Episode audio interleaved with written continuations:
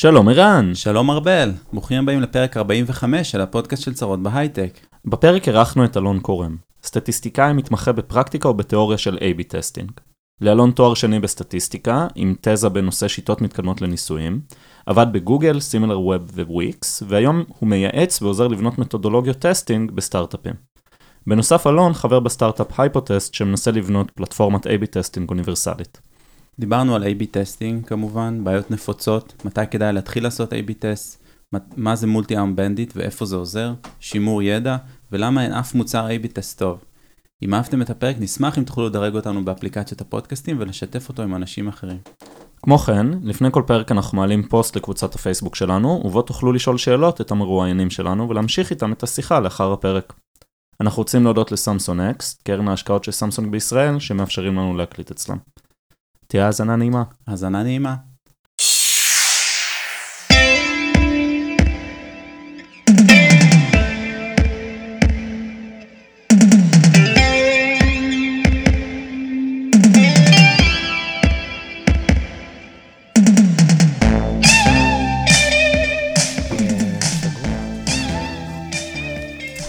קורה?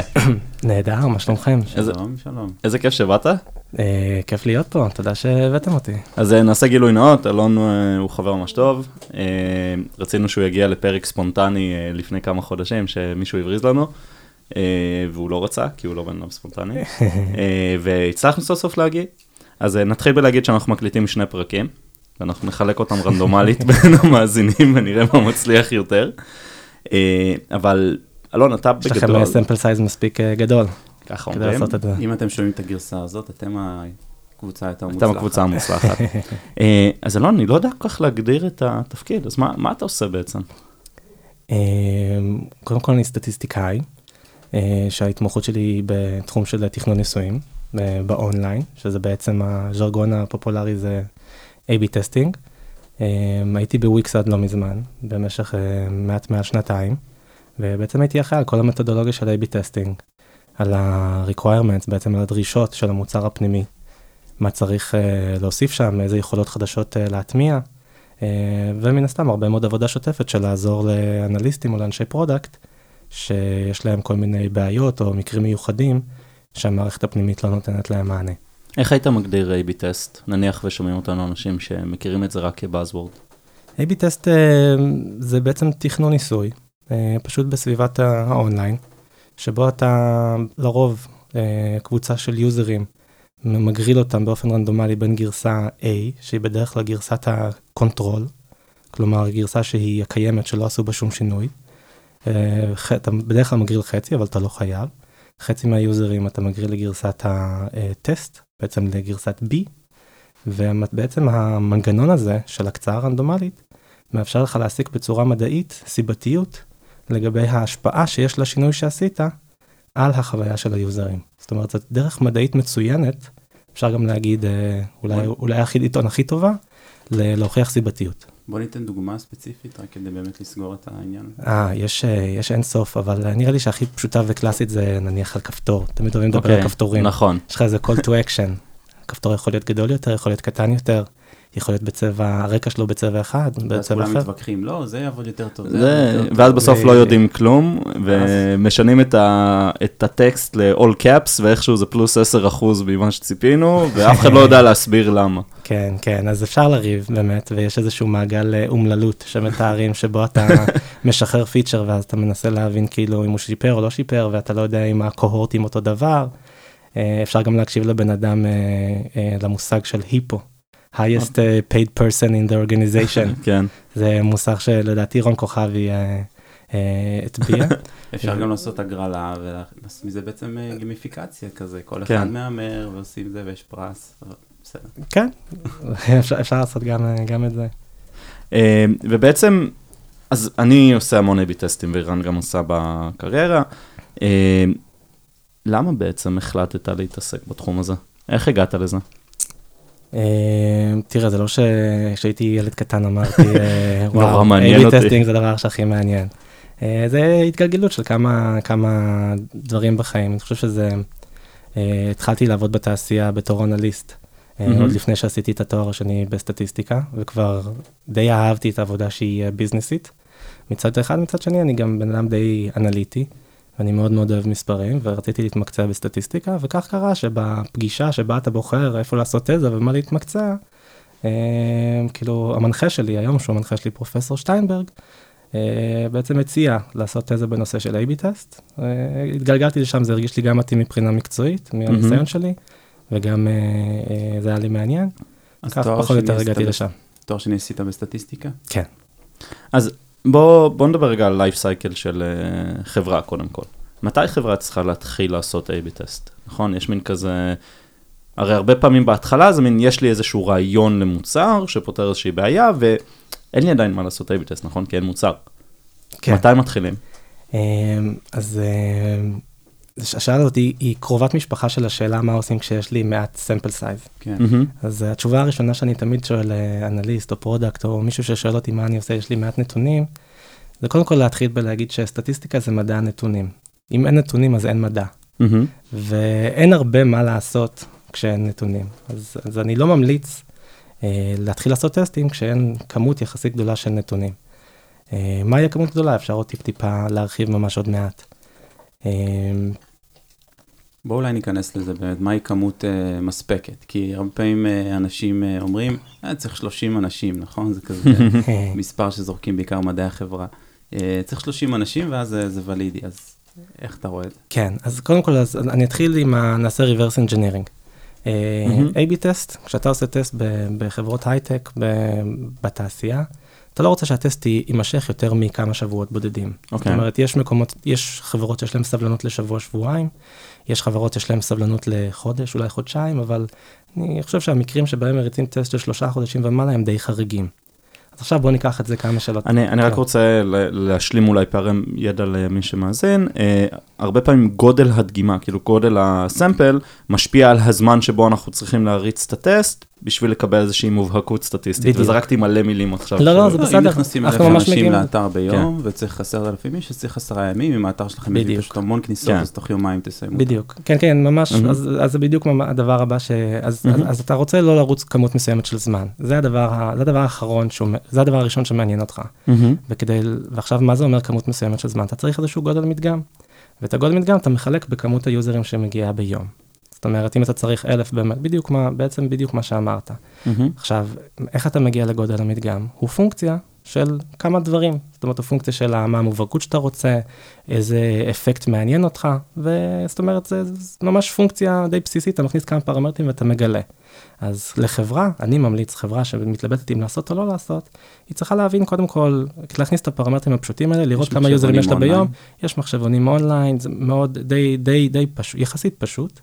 אה, ולהבין האם גודל האפקט שמעניין אותם, אם למשל רוצים לזהות אפקט של 10% והדאטה מאפשר להם לזהות רק אפקטים של 20%, כנראה שהם עדיין לא בשלב שהם יכולים לעשות. אבל אני חושב שבאופן כללי, כזה גרוסו מודו, כי עכשיו זה היה. סתם הסבר מאוד מאוד ארוך, אה, אלפי יוזרים ביום זה בהחלט מספיק. וגם יכול להיות שאלפי יוזרים, שוב, תלוי בקונסטלציה וכמה, אולי כמה עשרות אלפים בודדים בחודש, זה גם, אה, זה גם אה, כבר מספיק די גדול כדי לעשות אה, טסטים. אז דיברנו רגע על מובהקות, ויש כן. מה שאני כאיש מוצר, כאילו נורא מעניין אותי. כשאני עושה ניסוי, בעולם, לא יודע אם מושלם, אבל בתיאוריה הייתי יכול לעשות את כל הפרמוטציות האפשריות על כל ניסוי ולדעת בדיוק מה משפיע. איפה נכנסת ה... לא יודע, ההיפותזה, ההיכרות עם השוק, ההיכרות עם היוזרים לניסויים האלה? אני, אתה יכול לחדד? אז, אז אני, הרבה פעמים כשאנחנו מריצים ניסוי, יש איזושהי היפותזה מובילה. אם נשנה את הכפתור לגדול יותר, יותר אנשים יקליקו עליו. זאת היפותזה, יכול להיות שזה לא נכון, נכון? אמ, אבל מצד שני, יכולתי לא, שלא תהיה לי היפותזה. פשוט יכולתי לנסות כפתורים בכל הגדלים ובכל הצבעים, ולגלות בסוף מה קורה. אה, אז איפה, צריך את זה בכלל? צריך היפותזה, או שפשוט בואו ננסה הכל? כן, הבנתי. אה, אני חושב שהיפותזה זה דבר הכרחי, מאוד. אה, אבל זה לא בהכרח אה, סותר את הדבר השני שאמרת, שהיית רוצה לבדוק כמה כפתורים. זאת אומרת, אני לא חושב, אני, מה זאת אומרת, אפילו הסטטיסטיקה תומכת בלעשות, לבדוק הרבה פרמוטציות, הרבה פרמטרים. אה, אני לא חושב שאתה חייב שתהיה לך היפותזה אחת, או לבדוק רק גרסה אחת אל מול גרסת ה control. אה, היפותזה יכולה להיות מורכבת, או שאתה יכול לבדוק יותר מגרסה אחת, וזה אפילו דבר שהוא די מומלץ. מה שמדהים זה שהפרקטיקה היום, היא שרוב המוחלט של ניסויים זה שתי גרסאות, A מול B, וזה. מחמיץ הרבה מאוד הזדמנויות, למען האמת. אוקיי, okay. אני, אני אחדד טיפה את השאלה שלי, כי אני חושב שזה לא מספיק זה. אה, לצורך העניין, לפעמים יש היפותזות, אנחנו עושים ניסוי, והניסוי רץ יותר, אה, פחות זמן ממה שהוא צריך לרוץ בשביל מובהקות סטטיסטית, אבל יחסית מהר מבינים שהוא תומך בהיפותזה. אני יודע, אני רואה את הפרצוף שאתה עושה, ואני שואל, אה, כי אני הולך להגיד משהו מאוד אולי קונטרוברסלי. הרבה פעמים אני מסתכל על data science ועל ניסויים כ risk management. זאת אומרת, יש היפותזה, אנחנו למדנו המון מהשוק, למדנו מהדאטה, ויש לנו היפותזה, ואנחנו עושים risk management, שהוא תלוי ברמת המובהקות כמובן. מדהים. אז תרשה לי לענות טיפ-טיפה באריכות. לגמרי. זה דקה, דקה וחצי. אה, יש לנו, זה הפורמט. המבחנים הסטטיסטיים שהיום אה, משתמשים בהם בתעשייה, זה מבחנים שבעצם בתחיל... פיתחו אותם בתחילת המאה הקודמת. קוראים להם Z-טסט ו-T-טסט. אה, אלה המבחנים הכי פופולריים, רוב מוחלט של, ה... של המבחנים שמבצעים באונליין, אלה המבחנים האלה.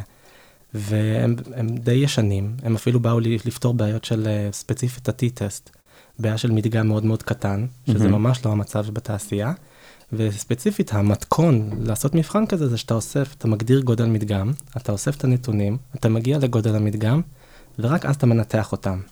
אממה, בסביבה של אינטרנט, שגם לוקח יחסית מעט זמן לבצע KPI, וגם שיש לך כל הזמן נתונים שזורמים כל הזמן, אתה יכול כל יום לרפרש, אפילו כל כמה שעות, אפילו כל שעה. בסביבה של סטארט-אפ שרץ מהר פשוט וחייב תשובה. נכון. אז... אז כי מוציאים על זה הרבה כסף. אז, כן. אז יש לזה תשובה, יש ענף שלם שקוראים לו sequential testing, שכל הרעיון שלו זה בעצם לתמוך, כאילו לאפשר לעשות ניתוח של, של הטסט לא ב, אה, רק פעם אחת כשמגיעים לסמפל סייד, אלא לאורך כל, כל mm-hmm. הניסוי. וככה, אם תעשה את זה ככה, אין שום בעיה שתראה תוצאות מובהקות. הבעיה היא שאם אתה עושה T-טסט או Z-טסט, mm-hmm. ואתה רואה תוצאות מובהקות, ואתה אומר, אוקיי, זה מובהק, אני רוצה לסיים, פה אתה עושה טעות, כי אתה משתמש במבחן שלא בנוי ל, ל, בעצם לניתוח מתמשך. Mm-hmm. אז איך אני הופך את, ה, את הטסט שלי ל... להיות כאילו אליג'יבל לניתוח מתמשך? אה, אתה, אתה פשוט משתמש במבחן מסוג אחר. יש כאלה שטוענים שמבחנים בייזיאנים. יכולים לתמוך בזה, אבל יש גם מבחנים שכיחותיים, כאילו בשיטה הקלאסית, שהם בעצם מאפשרים לך לעשות ניתוח מתמשך. אז למה ממשיכים ש... להשתמש בשיטות הישנות אה, בתעשייה? הלוואי והייתה לי תשובה טובה, אני חושב שזה... אה, כי ככה. לא מספיק מכירים, כי זה הכי פשוט, כי זה מה שכולם לומדים באוניברסיטה. אתה פה כדי לשנות את זה בעצם. אה, בהחלט. אני חושב שכש... זה גם כבר קצת ענינו על אולי השאלה מהי הטעות הכי נפוצה. אז uh, בתוך רשימה של איזה שלוש טעויות נפוצות, אחת מהן זה שמציצים בנתונים כל הזמן, נכון. ופשוט משתמשים במבחנים uh, שלא מותאמים לזה, אבל uh, לא צריך, אפשר, אפשר פשוט להתאים את המבחן. אז אני רוצה לדבר על עוד טעות. הרבה פעמים סטארט-אפים, uh, חברות בכלל, רוצות לבדוק מלא מלא דברים וכבר להגיע למלא מסקנות. אז דיברנו על בדיקה של כפתור, אבל אני יכול לבדוק עוד המון דברים אחרים, נכון? טקסטים, צבעים, ואחת מהטעויות הנפוצות, מה שאני מכיר, זה שפשוט בודקים הרבה דברים בבת אחת. אז אה, אולי אתה רוצה קצת להרחיב על זה, או שיטות להתמודד עם הבעיה הזאת? בטח, בטח, בטח. אה, כן, אה, אין דבר יותר אה, מתסכל, מ... וזה חוויתי לא מעט. אה, באופן כללי, כשאתה בתפקיד שלי בוויקס, פעם בשבוע אתה מקבל איזשהו מישהו שבא אליך עם טסט שיש איזושהי בעיה, משהו לא ברור. ואין דבר יותר מתסכל מטסט שמפסיד, שעשו כמה שינויים, כן. ועכשיו שואלים אותך, תגיד למה? מה מתוך כל השינויים שעשו גרם לכישלון הזה? ו... ואין תשובה. אמ, אבל, אבל אני, זה לא אומר שאני ממש לא מתכוון להמליץ לבדוק כל פעם משהו קטן. התשובה הסטטיסטית לדבר כזה, היא תהיה ניסוי פקטוריאלי. Mm-hmm. אם אתה רוצה לבדוק כמה שינויים במקביל, אז אתה יכול בעצם לעשות ניסוי פקטוריאלי, שהוא בעצם, אתה בעצם מייצר, אה, במקום גרסה אחת מול גרסה שנייה, אלא את כל הקומבינציות. בוא ניתן דוגמה. נניח ואתה רוצה לבדוק גם את גודל הכפתור, וגם את הצבע של הרקע של הכפתור. Mm-hmm. אז במקום לבדוק את, את הצבע החדש ואת גודל הכפתור כגרסה אחת אל מול גרסה של הצבע הישן והגודל המקורי, אני בודק כאילו פרמוטציה ספציפית. בדיוק, אתה בודק את, אתה בודק את ארבע ואז אני לא יכול הפרמוטציות שלך. להגיד כפתור ירוק עובד, אני יכול להגיד כפתור ירוק וטקסט כזה עובד. אתה תוכל. להגיד הכל, אתה תוכל להגיד לא רק, אתה תוכל להגיד הכפתור, בדיוק, אתה תוכל להגיד מה ההשפעה של הצבע, אה, אני מה- יכול להגיד, אני יכול לבודד השפעה כן. של משהו אחד. בדיוק. ואתה. ו, ובנוסף, תוכל לעשות משהו שאתה לא יכול לעשות, שזה לבדוק את השפעת האינטראקציה. אם למשל הכפתור ביחד, סליחה, עם הגודל, ביחד עם הצבע, אה, יוצרים השפעה שלילית, הדוגמה הקלאסית זה אם אתה רוצה לבדוק את הצבע של הפונט ואת הצבע של הרקע. כן. אוקיי. אז אם, אם, אתה, אם אתה, אתה, אתה יכול בטעות שהצבע של הפונט והרקע בגרסה של ביט יהיו באותו צבע, כן. ואתה יוצר חוויה רעה. אה, וזאת זאת כן. לצורך העניין תהיה השפעת אינטראקציה ואפשר לבדוק את זה. זאת אומרת, אז ההמלצה האמיתית היא, אם אתה יכול לשחרר כמה דברים במקביל, תשחרר אותם, פשוט לא ב-T-טסט, אלא במבחן שהוא מותאם. אז- אבל רגע, פה יש, פה יש, זה, זה מחזיר אותנו לבעיה של אה, אם אני עושה עוד וריאנטים, אז אני צריך לחכות יותר זמן. ולהביא יותר יוזרים, נכון? אם אני עושה פקטוריאל טסט. פקטוריאל דיזיין. אתה, זה כאילו תחת הנחה שיש לי את כל היוזרים לבדוק עליהם את הפרמוטציות האלה. אבל זה לא יהיה פי שתיים, וזה מה שחשוב, זאת אומרת, אתה בסופו של דבר חוסך גם בזמן וגם ב sample size. זאת אומרת, אם אתה, עדיף לך, אם אתה תעשה מבחן של פקטוריאלי, אתה לא משלם מחיר מאוד מאוד יקר. אה, יכול להיות שזה יהיה יותר מאשר test A מול B, כן. כן. טסט רגיל, אבל זה יהיה משמעותית משמעותית פחות מלבדוק פעם אחת את הצבע, מהמם. לסגור את הטסט ואז לבדוק פעם אחת את הגודל של הכפתור. זאת אומרת, אתה חוסך גם בזמן, פלוס אתה מסוגל לזהות אפקט של אינטראקציה. אני חייב להבין משהו, אם בדקתי גודל וצבע, וזה לא עבד, בדקתי קומבינציה של גודל וצבע וזה לא עבד, אני יכול אחר כך לבוא ולהגיד, תקשיבו, הצבע הזה לא טוב. אני יכול רק להגיד על הצבע? לא? אם אתה, אם אתה, אם אתה אוקיי. בודק, אם אתה עושה גרסה, אם אתה בודק רק שתי גרסאות, כן. שהגרסה האחת היא המקורית והגרסה השנייה זה גם גודל וגם הצבע, והטסט נכשל, אתה לא יודע להגיד אם זה היה הגודל או הצבע. יכול להיות שרק הצבע בש... נכון. יעשה לי יכול להיות שזה רק הצבע, יכול אוקיי, להיות שזה רק. הגודל, ויכול להיות שזה רק השילוב של שניהם. זאת אומרת, יכול להיות שכל כן. אחד בנפרד משפר, אבל השילוב של שניהם פוגע. מהמם. אתה לא תדע את זה במקרה הזה, אבל אם היית עושה ניסוי פקטוריאלי, היית מסוגל גם לבדוק את ההשפעה של כל אחת וגם את ההשפעה המשותפת של שניהם. כמה נפוץ לעשות אה, AA טסט? זאת אומרת, מבחן שכזה בודק שבכלל אנחנו באמת עושים משהו. אוקיי, אז קודם כל בוא נגיד מה זה AA טסט ומה כן. המטרה שלו, אה, ואז אני אגיד מתי יהיה נכון לעשות אותו. AA test זה בעצם, אה, אתה בעצם בודק גרסה אחת אל מול אותה גרסה. זאת אומרת, אה, אתה, אתה לא עושה שום שינוי. אתה בודק את הגרסה ואתה בודק גרסה נוספת שהיא בדיוק אותו דבר. החוויה מהמם. ל user היא שקופה. למה עושים את הדבר הזה? זה בעצם אה, דרך טובה לבדוק שהמערכת שלך, שהפלטפורמה של ה- AB test של החברה, עובדת כמו שצריך. אה, ומה זה אומר עובדת כמו שצריך? אם בעצם אה, אתה עושה AA טסט והמערכת עובדת כמו שצריך, אתה לא אמור לראות השפעה. זאת אומרת, אתה אמור לראות שבגדול הגרסאות אמורות, היוזרים אמורים להתנהג אותו דבר. אה, ואם, את- ואם. אתה עושה את הדבר הזה במשך כמה פעמים ואתה רואה הבדלים מאוד מאוד גדולים בין, ה, בין הקבוצות, מה אני יכול להסיק מזה? שיש לך בעיה במערכת, משהו לא טוב במערכת. אחת, נניח, אחד הדברים, לנו זה קרה הרבה בוויקס. אה, אחד הדברים יכולים להיות, למשל, שאת גרסה B אה, מציג שרת אחר. ואם השרת הזה הוא. איטי יותר, או כן. יותר טוב, או פחות טוב, אז זה יוצר הבדלים, וזה, וזה משהו שאתה יכול לגלות. או אולי עונתיות או חגים, כשאתה בודק שבוע מול שבוע, ו... עונתיות וחגים לא אמורה להיות, כי ב-AA טסט כולם באותה עונה. מחקים אותם חצי כן. זו אותה קבוצה, כאילו. אני, אני יכול לספר גם סיפור על אה, פעם שאני נתקלתי בזה שהתחלף איזה אינפרסטרקצ'ר, ודחפו אותו לאט לאט, זאת אומרת, בהתחלה רק 50 אחוז, מה, לא 50, אבל חלק מהיוזרים קיבלו.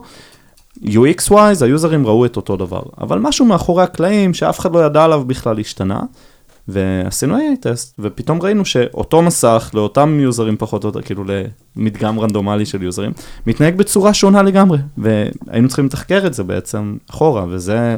את, מה אתה אומר, מה הדבר הנכון לעשות? צריך לעשות AA טסט באופן קבוע? כדי לעלות על הבעיות במדגם נקרא לזה? אה, צריך לעשות, אוקיי, אז אה, כדי ש-AA טסט יהיה אפקטיבי, אתה רוצה לעשות אותם בכמות, במסה. כי אם אני אעשה פעם אחת, אה, בוא נניח שיש בעיה, ואחת ל... חצי מהניסויים שלי הם ייצרו מובהקות למרות שזה AA טסט ואין הבדל. אם אתה תריץ את הניסוי רק פעם אחת, אז יש 50% סיכוי שלא יהיה מהמם. הבדל, אז אתה לא יכול להסיק שהכל בסדר. אז AA test מומלץ לעשות, קודם כל כשאתה עושה setup למערכת, או כשאתה עושה שינוי מאוד מאוד גדול. מהמם. זה המקרים שהכי חשוב לעשות AA test, אבל אפשר לעשות גם אותם באופן, אה, באופן שיטתי, נניח פעם בחודש, פעם ברבעון, אני לא יודע, זאת אומרת, זה, זה, די- זה גם לא, כאילו מה העלות של זה? למה לא לעשות את זה בעצם? יש קצת עלות של דאטה, אתה יודע, אתה צריך אה, לאסוף את הנתונים, כאילו יש לך כל הפרוצדורה, צריכה, כן. אתה צריך לעשות אותה אה, שוב. אבל אה, כאילו יש פה עלות של המחקר, אבל אין פה סיכון לביזנס לצורך העניין, לזה אני מתכוון. לא אמור להיות, אם יש כן. סיכון של הביזנס אתה בעצם מונע אותו. נכון, לזה אני מתכוון. כן, אבל אם, לא הדגשתי את זה מספיק, אז אני אגיד שוב ש-A טסט אתה רוצה לעשות בכמות, זאת אומרת, אתה רוצה לפחות כמה עשרות. אם אפשר, גם כמה אלפים, אה, או כמה מאות, או כמה אלפים, כי אתה רוצה באמת לבדוק ש... שההתנהגות היא, היא באמת היא, היא דומה, זאת אומרת ש... שאין הבדל באמת בין הגרסאות. בוא נדבר על מילה שנשמעת אה, ככה לאחרונה יותר ויותר, מולטי ארם בנדיט, היא אולי קשורה ל- למלא מבחנים שעושים בבת אחת, אם אני מבין נכון. נכון, היא בהחלט קשורה לזה. אה, אז אמרתי מקודם שה-T-טסט וה-Z-טסט אלה מבחנים אה, שפיתחו אותם בתחילת המאה הקודמת. מולטי-ארם בנדיט זה בעצם, אה, את הבעיה עוד תיארו במאה הקודמת, אבל היא הפכה להיות השיטה והפרקטיקה הפכה להיות מאוד מאוד פופולרית ב-20 שנים האחרונות. בעידן האינטרנט היא ממש אה, פרחה.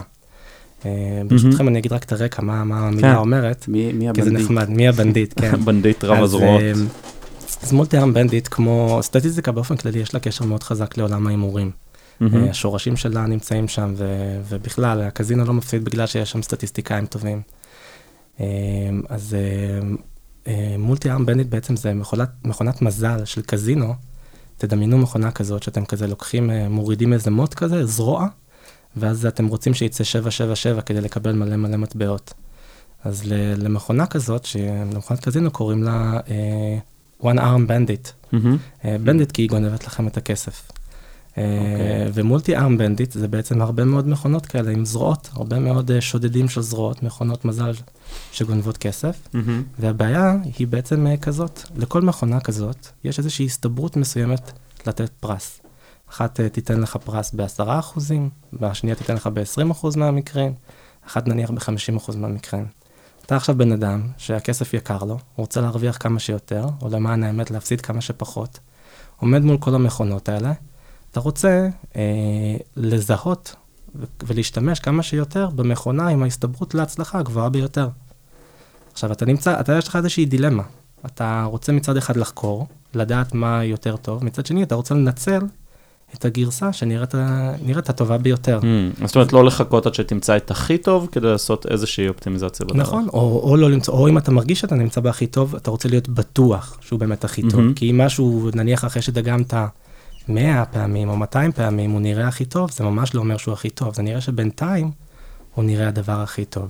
מהמם. אז מה ההבדל הגדול, קודם כל, בין multi-arm bandit לבין המבחנים הסטטיסטיים של T-test, Z-test, או הדברים הקלאסיים וגם איך שכולם עושים? מיישמים multi-arm bandit בפועל נגיד. כן, גם- מאוד קשה ליישם, מאוד אוקיי. קשה. אבל אה, אה, מה ההבדל?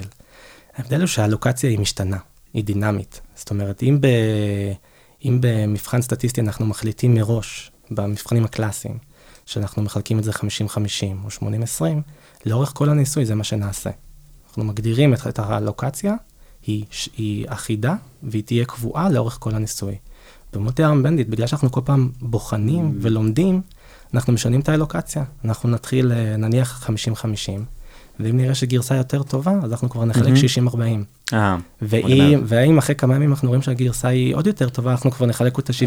ואז אפשר ליהנות כאילו בדיוק. מה... זה אומר שבפועל אנחנו לא מפסידים יוזרים, כאילו אנחנו כן מזהים פוטנציאל בגרסה מסוימת, ואז מתחילים להניע לשם חלק מהגרסה הפחות טובה. בדיוק. זה כאילו שיטה שהיא חסכונית, במובן הזה כאילו היא חוסכת חוויה רעה של יוזרים. אז סטארט-אפים ממש צריכים לדעת את, איך להשתמש בזה, אז למה זה קשה, מה הבעיות פה? כן, אה, קודם כל זה, זה באמת שיטה מאוד חזקה ומאוד טובה. אני חשוב לציין שכל אה, מרקטיר שמאזין לנו, מישהו שהקים איזושהי אה, קמפיין בגוגל, בפייסבוק, בטאבולה, כנראה נתקל בתופעה של, ה, של האלגוריתמים האלה, כי הם מיושמים שם מאוד מאוד חזק. אם אתה פותח היום קמפיין עם שלוש מודעות, ואחרי כמה ימים אתה רואה שכאילו כן. מודעה אחת מקבלת את כל הטראפיק. זה בדיוק מולטי ארם בנדי, כן. שממש מיושם בצורה מאוד חכמה וטובה בפלטפורמות האלה. אה, מה הקושי? ניתן לכם קושי ראשון ביישום.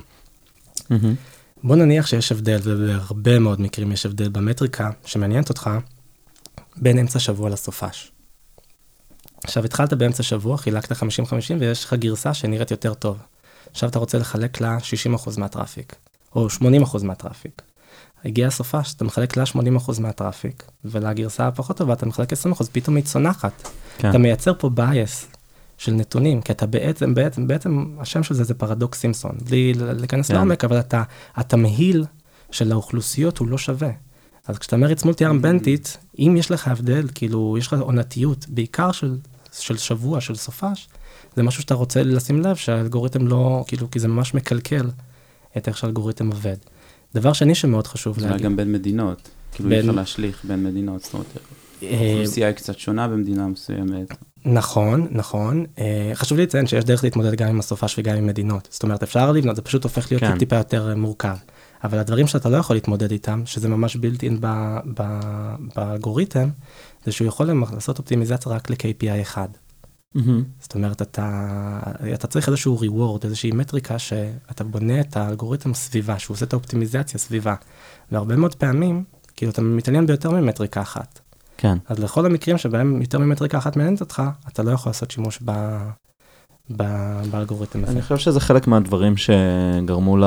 לא יודע אם רנסאנס או לעלייה של ה-No Star Metric. זאת אומרת, למצוא מטריקה אחת שמכילה על uh, כמעט כל המטריקות שמעניינות אותך בארגון, ואותה אתה מנסה בעצם uh, לדחוף. Uh, וזה מהדברים האלה שיש כלי שיודע לאפטם רק מטריקה אחת, אז צריכים למצוא מטריקה אחת. נכון, ולמצוא מטריקה זה מאוד מאוד קשה. מאוד מאוד קשה, והרבה אנשים חושבים שהם עושים את זה טוב, כולל אני, והם לא עושים את זה טוב, כולל אני. זה... אני, אני רק, אני אוסיף שגם אם אתה מוצא את המטריקה הזאת, היא גם צריכה להיות מתאימה לאלגוריתם, ובאיזה מובן היא צריכה. להיות מתאימה? אה, היא צריכה, הזמן לביצוע המטריקה זה צריך להיות מאוד מאוד קצר. כי תחשוב שאתה רוצה בסופו של מהמם. דבר, אתה רוצה לאסוף את הנתונים ולשנות את האלוקציה לפי הנתונים שקיבלת. אם לוקח ל user להתקנברט נניח שבוע, אז כל, ה, כל, ה, כל הרעיון שאתה לוקח את היוזרים שהתקנברטו ולפי זה מחלק לגרסה טובה ביותר, קצת יורד לטמיון, כי אתה צריך לחכות שבוע כן. עד שאתה מקבל תוצאות. אה, זה מעניין, ופייסבוק בעצם, באמת אם מזינים אותם במודעות, או לפחות זה היה ככה פעם, הם אה, מריצים את זה על סיד של קהל מסוים, את כל המודעות, מהר מאוד הם יכולים, ואז הם יודעים לתת אלוקציה. נכון, נכון, ושם, למה שם זה, זה קלאסי? כי, כי יש לך מודעות, והזמן, כאילו, ה-KPI הוא מאוד מאוד, mm-hmm. מהמם. לרוב הוא מהיר, זה קליק. אז אפשר מאוד מאוד מהר לראות איזה מודעה עובדת או איזה מודעה לא עובדת. אתה יכול לקחת גם KPI טיפ טיפה יותר רחוק, אבל בסך הכל הזמן לביצוע KPI הוא מאוד קצר. זהו, אז ככל שה-KPI יותר אה, רחוק או עמוק בפאנל, אני צריך יותר דגימות. אתה צריך ללמוד, כאחוז- וזה גם, האלגוריתם הוא טיפה, הוא קצת מאבד מהכוח שלו. הוא קצת מאבד, זה לא, ש, זה, זה לא שזה בלתי אפשרי, אבל זה קצת מאבד מהכוח. כי תחשוב, ניקח דוגמה חריגה. אבל בוא נניח, שהגרסה, אחת הגרסאות היא טובה יותר, זאת אומרת היא גורמת, גורמת ליותר קונברג'נס, אבל, אה, אבל מה שהיא קורה היא דוחה את הזמן של הקונברג'ן. זאת אומרת, אה, רוב מהמם. היוזרים מתקנברטים אחרי יותר זמן. יותר יוזרים יתקנברטו בגרסה הזאת, אבל ייקח להם יותר זמן. כן. מה יקרה לאלגוריתם כזה? אם הוא לא יחכה עד שכל היוזרים מתקנברטים, חושב שהיא פחות טובה. הוא יחשוב שהיא פחות טובה והוא ייתן את כל האלוקציות לגרסה Mm. הפחות טובה. אז אתה, בגדול אתה, אם יש לך, ההמלצה היא זה להשתמש ב-KPI. זאת אומרת, אפשר להתאים כל מודל אז וזה, בוא, אבל בוא נדבר תכלס, זה KPI יומי או שעתי, מה ההמלצה? אנחנו, אנחנו בוויקס עשינו ברמה היומית. כאילו. העיבוד של הנתונים נעשה ברמה היומית. מהמם. אה, אז כל דבר, אני חושב שמעל יום זה כבר מתחיל להיות טיפה יותר מורכב. כמה שעות, דקות, כן. חצי יום, יום, זה כבר הופך להיות, זה כבר משהו שאפשר לעבוד איתו. אז זה למשל, זה לא שיטה טובה כדי לאפטם retention, שבועי נניח, אני, אם אני מבין נכון. נכון, כי בעצם זה מטריקה ש... או אפילו retention חודשי, או מהו, או נכון. משהו כזה. נכון. אלא אם כן אתה מוצא proxy מספיק טוב, Mm. אבל לכשעצמו כמטריקה זה לא, זה כן, לא, זה לא כאילו, מומלץ. day 2 retention בדרך כלל מעיד על day 7 retention, אבל לאו דווקא. כאילו כן. קור- קורלטיבי. טוב, אה, אנחנו נעשה איזה pivot לפני השאלות, כי היו המון המון שאלות. אה, לא מזמן הפסקת להיות שכיר, ונהיית עצמאי, ואני בטוח שיש לנו הרבה אנשים שחשבו על זה לפחות. אמרו, אוי, אני יודע לעשות משהו מאוד טוב, ואני יכול להיות עצמאי ולייעץ, או להקים אה, חברה. מה, מה דחף אותך להיות עצמאי? אה, אז באמת בניגוד ל-AB testing או לסטטיסטיקה, להיות עצמאי דווקא זה חלום אה, של אה, ארוך שנים. מאז שאני בגדול כזה התחלתי לחשוב מה אני אעשה כשאני אהיה גדול, אז, אז להיות עצמאי היה אחד מהם. אבא שלי היה גם עצמאי, אז יכול להיות שקיבלתי את זה ממנו, יכול להיות שקיבלתי את זה ממנו דרך הגנים, אני לא יודע. אבל זה, זה בגדול באמת משהו שהוא מאוד מאוד עמוק, אני לא, לא כך יודע להסביר, ואני כל פעם דחיתי את הרגע, אמרתי, תסיים את התואר הראשון, תסיים את התואר השני, uh, היה לי איזה ניסיון כושל להקים איזה עסק קטן, uh, אבל uh, כל פעם בגדול דחיתי עד שבאיזשהו שלב כבר הייתי על קוצים, ואמרתי, די, אני מרגיש שאני מספיק מוכן כדי לעשות את הניסיון. איזה יופי. טוב, אז זה ממש שווה פרק שלם, כן.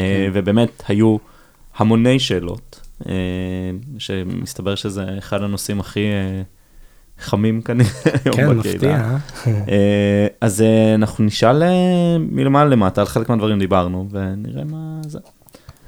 אז דוקטור שני הורוביץ רוזן שאלה, או שאלה אני מניח, איך, לשמ... איך לשמר את הידע שנצבר מטסטים? כן, אז קודם כל בוא נגיד אה, שזה מאוד מאוד חשוב לשמר את הידע, כן. כי היכולת, הזיכרון הארגוני זה משהו שמאפשר לך לדעת איזה, מה עבד, לא עבד, להסיק את המסקנות, לראות את ההשפעות, יש לזה כוח מאוד מאוד גדול. ולהכיל את זה גם על טסטים דומים, נכון? נכון, חד משמעית. זה ממש כאילו חשוב, שבן אדם יודע, או שכולם יודעים שמודעה מסוימת עובדת יותר טוב, ואז בא מישהו חדש. או שהבן אדם הזה כבר לא קיים, איך מעבירים באמת את ה... חד משמעית, אבל גם, גם, גם, גם, גם, גם ל product, תחשוב על product נכון. manager שמגיע, נכנס לתפקיד, ויש לו מלא רעיונות, רואה את המוצר, ואתה אומר לו כאילו חלק מה onboarding שלך זה לעבור על כל הטסטים מהשנה האחרונה. סופר חשוב. זה מטורף. אתה לומד כאילו, כל כך הרבה. הוא לומד המון, בדיוק. כן. אמ, עכשיו איך תראה, אם חברה בונה מוצר פנימי, צריכה לוודא שהיא שומרת את זה.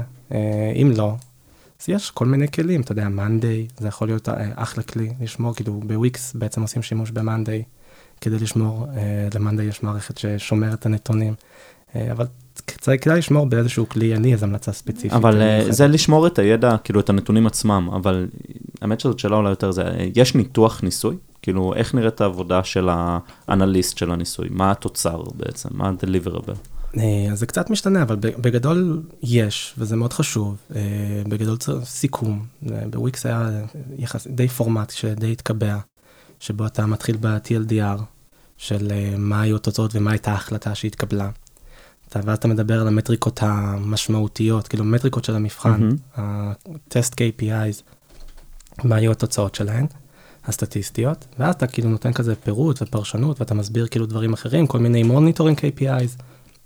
מה הייתה ההחלטה, action items, כל הדברים האלה הם סופר סופר סופר חשובים. אה, שאלה השנייה שלה הייתה, מתי A-B testing הוא מיותר? אה, בוא נגיד זה ככה, מתי שאפשר לעשות, וקצת דיברנו על זה בגודל מדגם, אז אני ממליץ לעשות. אני לא חושב שהוא מיותר אה, כמעט אף פעם, ולו רק הרבה פעמים כדי לזהות תקלות, באגים. אחת הסטטיסטיקות המעניינות לגבי A-B testing זה ששליש מהטסטים נכשלים אה, ושליש מהם לא, לא עושים איזה, איזושהי השפעה. אז A-B test הוא כלי מאוד מאוד טוב, כאילו באופן כללי רוב האנשים שמתעסקים ב-A-B testing יגידו שזה מלמד אותם שיעור בצניעות. Mm-hmm. מתי לא לעשות? לא לעשות כשזה לא אפשרי, או כשהעלות של זה היא מאוד מאוד גבוהה. אה, אם אין לך מספיק סמפל סייז, אז לא לעשות. אם אתה, לא יודע, התנאים שבהם אתה רוצה לעשות את ה... את הטסט יעלו לך משאבים גדולים כדי לשנות איזה קונפיגורציה של הסרבר, וזה משהו שאתה לא יכול לקיים mm-hmm. שני דברים במקביל, אז אל תעשה. אבל אם אתה יכול, וברוב המקרים אפשר, תעשה. ירון טאוב שואל, איך מתמודדים עם השפעות רשתיות? זאת אומרת, יש תלות בין המשתמשים, החלטה של user א' משפיעה על האופציות הזמינות ל user ב' וכולי. כן. אה, שאלה מצוינת. אני, גילוי נאות, אני לא התמודדתי עדיין עם אה, בעיות אה, רשתיות, לא היה לי את זה לא בוויקס ולא עם החברות שאני עובד איתן, אבל כן קראתי את הספר של רוני כוכבי וגם קראתי קצת בלוגים של חברות שכן mm-hmm. מתמודדות עם זה. אז קודם כל קצת נפרט מה זה בעיות רשתיות ואז נגיד מה, איך אפשר לפתור. בעיה רשתית, בעצם אחת ההנחות הכי בסיסיות בטסט זה שיש חוסר תלות בין, ה, בין התצפיות. Mm-hmm. זאת אומרת, מה שקורה ליחידה אחת לא משפיע על יחידה אחרת. גם בתוך קבוצה וגם בין הקבוצות. השפעה רשתית זה בעצם תופעה שבעצם ההנחה הזאת נשברת. מתי זה למשל יכול לקרות? תדמיין שאתה חברת אובר, ואתה רוצה עכשיו לבדוק אלגוריתם חדש, אוקיי? של, לא יודע, שמצמיד את הנהג למי שרוצה לנסוע. אתה רוצה לבדוק את האלגוריתם הזה באותו עיר. לחלק מהבקשות לנהג אתה נותן גרסה A ולחלק אתה נותן גרסה B. Mm-hmm. אם, גיר, אם אלגוריתם אחד הוא מאוד מאוד חזק, והוא יצמיד הרבה מאוד נהגים לנוסעים, הוא הולך לפגוע בביצועים של האלגוריתם הראשון, הוא יעשה אפקט מהמם. של קנביליזציה. קניבליזציה. בדיוק, תודה. מתי זה עוד יכול. כן, מתי זה עוד יכול לקרות? תחשוב על פייסבוק, אתה עושה עכשיו, אתה מוסיף פיצ'ר חדש ל- למערכת, ואתה נותן לחלק מהיוזרים לעשות בו שימוש. יוזר עושה בו שימוש, עכשיו כולם נחשפים כאילו לפיצ'ר שלו. פיצ'ר שלו יכול מאוד להשפיע על יוזרים אחרים שקיבלו מהמם. גם את הטסט או להשפיע את לרעה, ה control. כי הם התבאסו שאין להם את זה. או- יכול או להשפיע לא. לרעה, לא, אתה- יכול להשפיע Mm, בכל מיני אוקיי. כיוונים. ואז זאת השפעת רשתיות, בעצם זה שובר את ההנחה של חוסר, אה, של אה, חוסר תלות בין התצפיות, אה, וזה בעצם פוגע מאוד בהסקה הסטטיסטית. יש כמה פתרונות. פתרון אחד זה מה שנקרא geo-testing, זה לעשות. מבחן אה, לפי מקום. זאת אומרת, אם אנחנו חוזרים לדוגמה של אובר, במקום לשים את האלגוריתם באותו, באותו עיר, אתה בעצם לעיר אחת אתה נותן את האלגוריתם הראשון, הרגיל, ולעיר אחרת אתה נותן את האלגוריתם השני. ואתה בעצם מנתח, בעצם יחידת המידע שלך הופכת להיות ה... לא יוזר, אלא האזור הגיאוגרפי, היחידה ואתה כאילו הגיאוגרפית. מנטרל אה, כל מיני משתנים אחרים שיכולים להשפיע על אה, ניסוי כזה? אז אפשר, אתה יכול לעשות את זה, וזה יהיה טיפ-טיפה באמת אה, יותר מורכב, כי אתה בעצם כמות התצפיות שלך יורדת, ואתה רוצה לוודא שאתה לא משווה את, לא יודע, בייג'ינג ל... לאשדוד, ירוחם, אני לא רוצה לבחור עיר ספציפית שאף אחד לא, לא יכעס שאני, כן. שאני מקטין אותו לעומת בייג'ינג. אבל שכן שתי הערים צריכות להיות דומות. אתה רוצה שאני תהיינה דומות, בעיקר כשה, כשה sample size מאוד גדול זה לא, לא נורא, אבל כשה sample size קטן אז זה כבר מתחיל להיות יותר בעייתי, כי השונות הופכת להיות מאוד גדולה. אני רק, משפט אחד שלא אמרתי, בעיות רשתיות מופיעות בעיקר ב social networks, זאת אומרת באינסטגרם, פייסבוק וכדומה, ובחברות שיש להן marketplace. זאת אומרת, אז אובר. זה marketplace, Fiverr זה marketplace. מעניין. שם, שם ההשפעות הרשתיות הן הכי, אה, הן אה, מאוד פופולריות. אה, טוב, היו כמה שאלות שצוחקות על זה שאתה קצת דומה לשמלה מנינג'ה ישראל, אה, אני לא רואה את זה. מחמאה גדולה מבחינתי. אני מוכן לקבל אה, חצי מהקוביות שלו בבטן. רותי ליכט שואלת, מה יכולה להיות סיבה שבגללה רואים תוצאות ממש חד משמעיות מ-AB testing בשבוע הראשון, ואז בהמשך יש ירידה איטית עד לכמעט השוואה בין שתי האופציות? כן, אז התשובה הראשונה שזה המעצבנת זה שזה יכול להיות פשוט מקרי. אבל אה, כי וזה יכול לקרות. אה, והתשובה הפחות מעצבנת זה שיש תופעה שקוראים לה novelty effect. כשאתה מוסיף פיצ'ר חדש, אה, אז יוזרים שרואים אותו, נניח, כאילו זה גורם להם לאיזושהי תופעה זמנית קצרת טווח של שימוש מתוך סקרנות, מתוך רצון לחקור, אבל זה לא יוצר כאילו שימושיות בטווח הארוך יותר. אז אתה יכול למשל לחוות מהמם. בטווח הקצר איזשהו משהו מובהק, איזשהו שינוי מובהק בשימושיות, שבסופו של דבר יורד. אה, זה, זאת, זאת נראה לי התשובה הכי כן. טובה למתי דבר כזה יקרה. אמ, בני גפנוביץ' שואל, מהי פלטפורמת ה-AB טסט הטובה בעולם? אז אני לא יודע אם אני יכול להגיד אה, מה היא הטובה ביותר, אבל המובילה, זאת שהכי דומיננטית היום, זאת שיש לה את הנתח שוק הכי גדול, זאת Optimizely. יש לך אחריה את Google Optimize, VWO, אלה המוצרים, אה, הייתי אומר, המובילים, יש לך Split IO, AB Tasty, אלה נראה לי השמות הכי, הכי, הכי גדולים בתעשייה היום. אה, יש הרבה מוצרים שעושים, יש להם פיצ'רים לפחות של AB test. אה, כל אחד יש להם, אתה יודע, יתרונות, חסרונות. הבעיה העיקרית היום, התופעה הכי מעניינת שקורית בתעשייה, זה שחברה מגיעה לגודל מסוים, היא בונה מוצר פנימי. זאת אומרת, מהמם. יש, יש היום משהו בשוק שם, במוצרים עדיין לא מספיק אה, מצליח לענות על, ה, על הצרכים הספציפיים המיוחדים של אה, כל חברה. כל חברה שבאיזשהו גודל מסוים של טסטים, פשוט בונה משהו אה, עצמאי. אוקיי, אה, אפרת גרבר הרן שואלת, אנליסטית ב Lightricks, יצא לך לעשות ניסוי שהוא לא A-B test, כלומר הווריאנטים הם לא רנדומליים, אלא מדינות שונות או תקופות, והאם יש תובנות לגבי מדידה של שינויים בין וריאנטים כאלה? אז קודם כל אני אגיד שלא, אני לא מומחה בזה, אני מומחה בתחום הצר של A-B טסטינג. אה, יש כאמור מלא מלא אה, שיטות לעשות, אה, לנסות להשיג אה, סיבתיות באמצעות מחקרים תצפיתיים, ב-casual inference, זאת אומרת, יש באמת הסקה סיבתית, יש הרבה מהמם. מאוד שיטות, אני פחות, פשוט פחות מכיר. אדיר קול שואל, בהינתן שיש לך דאטה היסטורי, מה החשיבות של A-B test, מלבד העובדה שזה זמין וזול יותר, כשאפשר לעשות היום prediction למודל שיכול לתת תשובה אופטימלית יותר וגם ילמד תוך כדי. כן, אז קודם כל, אם משהו זמין וזול יותר, אני, אני בעד להשתמש בו, בטח uh, בגלל שהעוצמה שלו, היכולת להוכיח, להוכיח סיבתיות היא מאוד מאוד חזקה.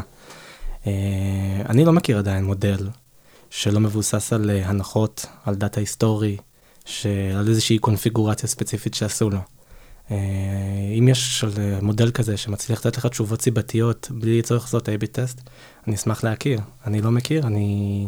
כל מודל שלא לא עושים בעצם באמצעות ניסוי מבוקר, אתה, אתה, יש לך מהמם. איזושהי תלות בקונפיגורציה דאטה היסטורי שעלול לשבש את התוצאות. אה, טוב, קצת דיברנו על זה, מעיין יוסף מגן חיים שואלת, האם יש דרך אמיתית לעשות testing לקבוצה קטנה יחסית של לקוחות B2B? כן, אז, אה, אז התחלתי ואמרתי שסטטיסטיקה זה מדע נתונים, ואם אין נתונים אז אין מדע. ועם זאת, אני, אני רוצה להיות איש של בשורות, ולא לא רק של בשורות רעות. אה, יש דרכים, מה שנקרא, לסחוט את הלימון. גם אם יש לך מהמם. מעט דאטה, אתה יכול לסחוט אותו. ואני אתן לכם אה, את הדוגמה שבעיניי הכי חזקה שלא עושים בה שימוש היום. יוזרים, אחת ההנחות במבחנים סטטיסטיים זה שמתייחסים שהאוכלוסייה היא לצורך העניין הומוגנית. אבל כאשר האוכלוסייה היא הטרוגנית, מהמם. זאת אומרת שיש לך קבוצות אוכלוסייה עם מאפיינים שונים, עם, אה, עם אה, ביצוע שונה של KPIs, אה, יש פה אינפורמציה שאפשר לעשות בה שימוש. והאינפורמציה הזאת יכולה להגדיל את העוצמה של, ה, של המבחן. אני אתן לכם דוגמה לאיפה עושים את השימוש של הדבר הזה. כשאתה עושה סקר בחירות, מהמם. לא יודע כמה יצא לכם לראות תמיד שכזה מפרסמים כן. לאיזה מפלגה אתה מצביע, ואז אתה רואה, רואה למטה בכוכבית מבוסס על 500 uh, משיבים. כן. אתה שואל את עצמך, איך 500 משיבים יכולים, uh, להיות ייצוג. יכולים להיות ייצוג הולם? אז uh, בגלל שמדינת ישראל זו אוכלוסייה די הטרוגנית, אתה יכול אה, נניח ללכת לאוכלוסייה החרדית נניח, או למגזר הערבי, ולדגום ספציפית רק שם, ולנצל את העובדה, יש לך פה אינפורמציה מאוד חשובה, שאוכלוסיות מסוימות מתנהגות באופן מסוים, שמבדיל אותן משאר הקבוצות האחרות, אה, וזה לא עושים היום. T-Test, Z-Test, מבחינתו כל היוזרים הם אותו, הם אותו דבר. אבל אם אתה יודע שיוזר מ-iOS ויוזר של אנדרואיד, או יוזר מארצות הברית, או מול יוזר מהודו, מתנהגים שונה, זאת אינפורמציה שאתה יכול לעשות בה שימוש בתוך המבחן, ולסחוט, אה, מה שנקרא, לסחוט את הלימון של הדאטה. מהמם. אה, ויש עוד כמה דברים, כמו בחירת KPI שהוא יותר מתאים, שה-conversion rate שלו יותר גבוה, אה, להגדיל את האוכלוסייה עד כמה שאפשר. יש עוד כמה פרקטיקות טובות להגדיל עוצמה של ניסוי, אבל זאת נראה לי דוגמה מאוד טובה לפשוט מידע שקיים ולא עושים בו שימוש במבחנים הפשוטים של אה, A-B טסט. אה, יונתן בירייר שואל, אני אנסח את זה מחדש כדי שיהיה יותר פשוט, למה אין בעצם פלטפורמה גנרית שטובה לכולם? שאלה מצוינת? שאלת, שאלת מיליון הדולר, אולי ה-20 מיליון דולר. אה, אני חושב, יש לי השערה די מבוססת מהניסיון, אבל אני לא, לא הייתי אומר שאני בטוח ב-100%. מאוד מאוד קשה לייצר מוצר שהוא גמיש ויתאים לחברות שיש להן מבנה עסקי שונה, מטריקות שונות, אה, טכנולוגיית דאטה שונה, ארכיטקטורה של דאטה שונה. אה, ולהיות מסוגל לתמוך בכזאת גמישות. זה מאוד מאוד קשה. לא, לא חושב שזה בלתי אפשרי, זה אתגר פרודקטי אה, בעיקר. אה, אתה רוצה לייצר, כאילו יש פשוט כל חברה שונה ב, גם במובנים עסקיים, גם בדאטה, גם בטכנולוגיה, ולייצר מוצר שמסוגל לאפשר את הגמישות הזאת ולהתאים את עצמו לכל קונטקסט עסקי וזה, זה, זה משהו פשוט מאוד מאוד קשה. יונתן פרידמן שאל, אה, הוא גם שאל על מתי אה, לא כדאי להתחיל לעשות A-B test, ועל זה דיברנו עכשיו, אבל הוא גם שאל, הרבה אנשים שמתעסקים ב-A-B טסט הם לא מומחים בסטטיסטיקה, וגם אם יש כלים הם יכולים להרוס מתודולוגיה, לפרש בצורה לא נכונה. איך, איך מתמודדים עם זה? איך אתה ממליץ אה, או ללכת לכולם זה? בארגון ולהגיד זה ניצח, זה ניצח, ואז יומיים אחרי. כלום לא ניצח והכל על הפנים. אז האמת שזה אתגר, זה אתגר מאוד מאוד גדול בתפקיד שלי, וגם חלק ממה שאני אוהב בו, כי אתה מסתכל על data science, לרוב data science הוא זה שמתכנן את האלגוריתם, הוא זה שבודק אותו, הוא זה שמפרש את התוצאות והוא זה שמדווח את התוצאות. ולעומת זאת בתפקיד שלי, זאת אומרת לרוב מי שמנתח, מדווח על תוצאות, הוא לא מישהו שההכשרה שלו היא סטטיסטית. מהמם. יכול להיות שהוא עשה איזה קורס באוניברסיטה, אבל הוא לא עשה את זה. אה, ולכן כשאתה בוחר מבחנים סטטיסטיים או בוחר מתודולוגיה, אחד הדברים שחשוב להתייחס אליהם זה לא רק מה הדבר המדעי הכי נכון, לצורך העניין, אלא גם מה הדבר הכי פרקטי, הדבר שיהיה הכי קל להבין אותו, הדבר שיהיה הכי קל לדווח אותו. אה, זה פשוט חלק מהשיקולים, זה חלק מה... אתה רוצה לבחור משהו, חלק מהשיקולים בבחירת מתודולוגיה, זה לקחת משהו שהוא, אה, שיחסית קל להבין ולדווח אותו, לבנות טמפליטים, פורמטים, וגם להכשיר. לפעמים צריך אה, להכשיר, ללמד. אני, חלק ממה שאני עושה זה סדנאות של להסביר את המושגים הבסיסיים ואיך להשתמש בהם ואיזה דברים לא לעשות. כן, זה... חלק ניכר מהעבודה שלנו. זה מימד אנושי בסופו של דבר גם שקיים. נכון. כן, כזה. מממ-הממ. לא אומרים דברים מסוימים או מחכים באמת לוודאות סטטיסטית. אז אולי באמת אה, לפני שנסיים, אז אה, בוא תספר מה אתה עושה עכשיו בעצם. כן, אז, אה, אז אני, אני בעצם התחלתי את השנה כ, כעצמאי, ומה שאני בעצם עושה זה מייעץ ועוזר לסטארט-אפים ב-A/B testing, סטארט-אפים שיש להם, החל מאלה שיש להם מערכת די רצינית והם רוצים לשדרג את המתודולוגיה שלהם, וכאלה שרוצים לבנות מערכת פנימית בשלב הזה, או כאלה שעובדים עם מערכת חיצונית, ו... וגם אפילו חברות שרק עכשיו רוצות להתחיל לעשות A-B test. אז אני בעיקר עוזר במתודולוגיה, לבנות מתודולוגיה, בלהסביר, בהכשרות, אה, בלפתח שיטות יותר מתקדמות שהן לא רק ה-Z-test וה-T-test המוכרים והקלאסיים. אז אני עובד בין היתר גם עם הייפוטס, אה, סטארט-אפ שגייס אה, כסף לא מזמן, והמטרה שלו זה לבנות מערכת פלטפורמת A-B טסט. שתהיה, לצורך העניין, תהיה גמישה יותר וטובה יותר מהפלטפורמות שיש היום בשוק. בעצם חלק מהרעיון של הסטארט-אפ זה שהדאטה לא נמצא בתוך המערכת, אלא מתממשק לדאטה warehouse של החברה. וזה mm-hmm. אמור לאפשר לחברה אה, הרבה יותר גמישות בהגדרת ה-KPI, בניתוחים של הטסט. אה, אז, אז, אז חלק מהעבודה שלי זה גם לעבוד עם סטארט-אפים ולעזור להטמיע את המוצר הזה ו- ולשפר, לשדרג את היכולת שלהם לא רק בייעוץ, אלא גם בשימוש במוצר שהוא יותר טוב ומותאם. ואיך אפשר ליצור איתך קשר? אה, פייסבוק אין לי. אה, אפשר בלינקדאין. אה, אנחנו נשים קישור. נשים קישור בתיאור. בלינקדאין בעיקר, טלפון, אבל לא להתקשר מאוחר כי התינוק ישן. מגניב. לפני שנסיים, יש מה שרצית לדבר עליו שלא הספקנו? אה, אני חושב שדי כיסינו, כל, אפשר לדבר עוד אין סוף, כן? אני, דיברנו רק על חצי בערך מהדברים. אז לא, נראה לי שאנחנו די, די בסדר. מעולה. טוב, עכשיו נקליט את הוורסיה השנייה של הפרק. כן. תודה, אלונה, נתנו. תודה. תודה.